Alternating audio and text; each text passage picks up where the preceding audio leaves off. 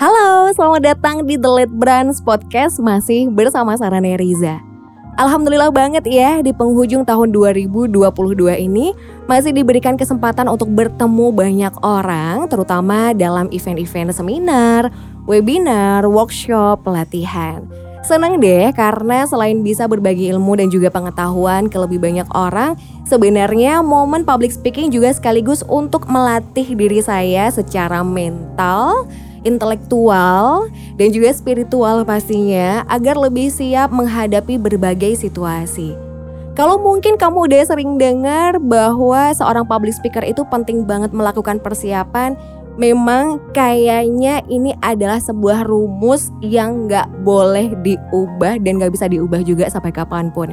Kalau ada pepatah mengatakan bahwa tidak melakukan persiapan berarti sedang mempersiapkan kegagalan, saya rasa ini tepat adanya. Karena ketika nggak melakukan persiapan apa pun, itu kayaknya di kepala kita kosong, nggak ada modal, nggak ada senjata, sehingga kita nggak siap untuk bertempur. Kesannya berat banget ya situasi public speakingnya ya. Tapi memang menghadapi banyak orang itu tidak mudah. Nah, sebagai seorang public speaker yang mungkin punya pengalaman cukup banyak bertemu dengan berbagai usia, pekerjaan, profesi gitu ya. Saya bisa bilang bahwa melakukan persiapan sebelum public speaking itu bisa dilihat dari empat hal. Jadi empat hal ini emang harus dipersiapkan baik-baik. Yang pertama kaitannya sama vokal. Vokal itu berkaitan dengan bagaimana caranya kita berbicara. Jadi kita harus tahu bagaimana caranya berbicara dengan artikulasi yang jelas, intonasi yang berdinamika, kemudian menyampaikan informasi tidak terlalu cepat maupun tidak terlalu lambat, serta mampu memainkan emosi suara. Latihan vokal tentu harus kita lakukan jauh-jauh hari sebelum tampil ya, agar kita terbiasa sehingga ketika berbicara tidak kesannya dibuat-buat. Kalau latihan vokal bisa kita lakukan jauh-jauh hari, nah biasanya latihan vokal ini juga bisa diimbangi dengan latihan verbal. Verbal itu berkaitan sama materi yang akan kita sampaikan ke audiens baik secara lisan maupun melalui tulisan slide presentasi misalnya. Nah sebelum kita tampil tentu dong masalah verbal ini juga harus kita persiapkan. Kita harus susun jalinan storytellingnya mulai dari pembukaan, kemudian bridging atau background story-nya seperti apa. Terus kita juga harus mempersiapkan materinya supaya tidak terlalu berlebihan tapi juga nggak kekurangan gitu ya.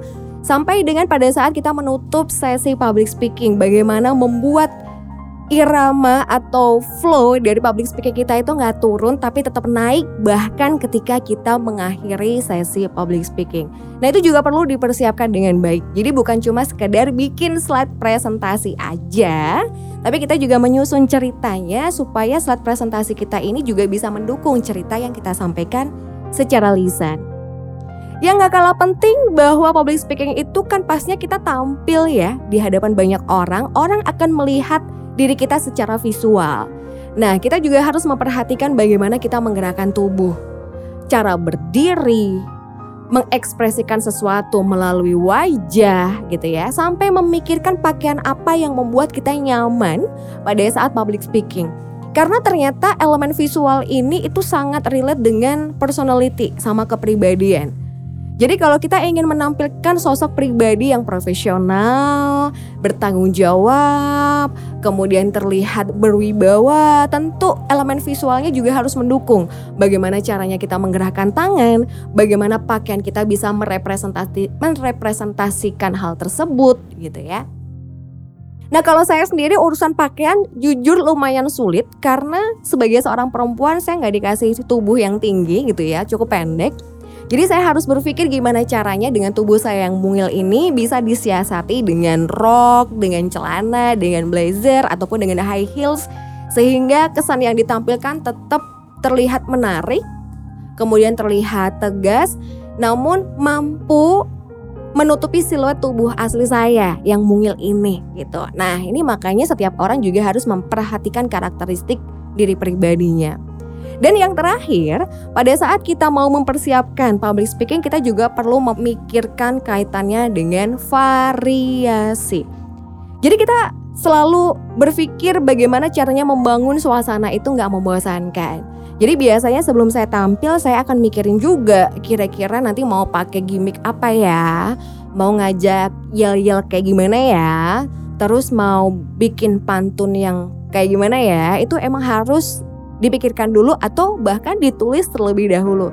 Sehingga ketika kita sampaikan pada saat acara tuh ya emang ini udah direncanakan dengan baik bukan sesuatu hal yang sifatnya impromptu atau spontanitas. Jadi pada akhirnya ketika kita melakukan public speaking itu bukan cuma sekedar ngomong dalam durasi waktu tertentu menyampaikan apa yang kita kuasai enggak. Tapi tahapan proses latihannya itu juga cukup panjang. Mulai dari olah vokal mempersiapkan verbal, memperhatikan visual, sampai dengan kreativitas variasinya supaya penampilan kita tidak membosankan. Nah kalau menurut kamu sendiri yang mungkin masih setia mendengarkan episode kali ini, dari empat hal vokal, verbal, visual, dan juga variasi kira-kira dari empat hal ini mana sih yang paling susah untuk dilatih? Boleh ya kalau kamu udah mendengarkan episode kali ini, bisa juga kamu DM saya di akun Instagram @neriza, kita ngobrol di sana. Thank you.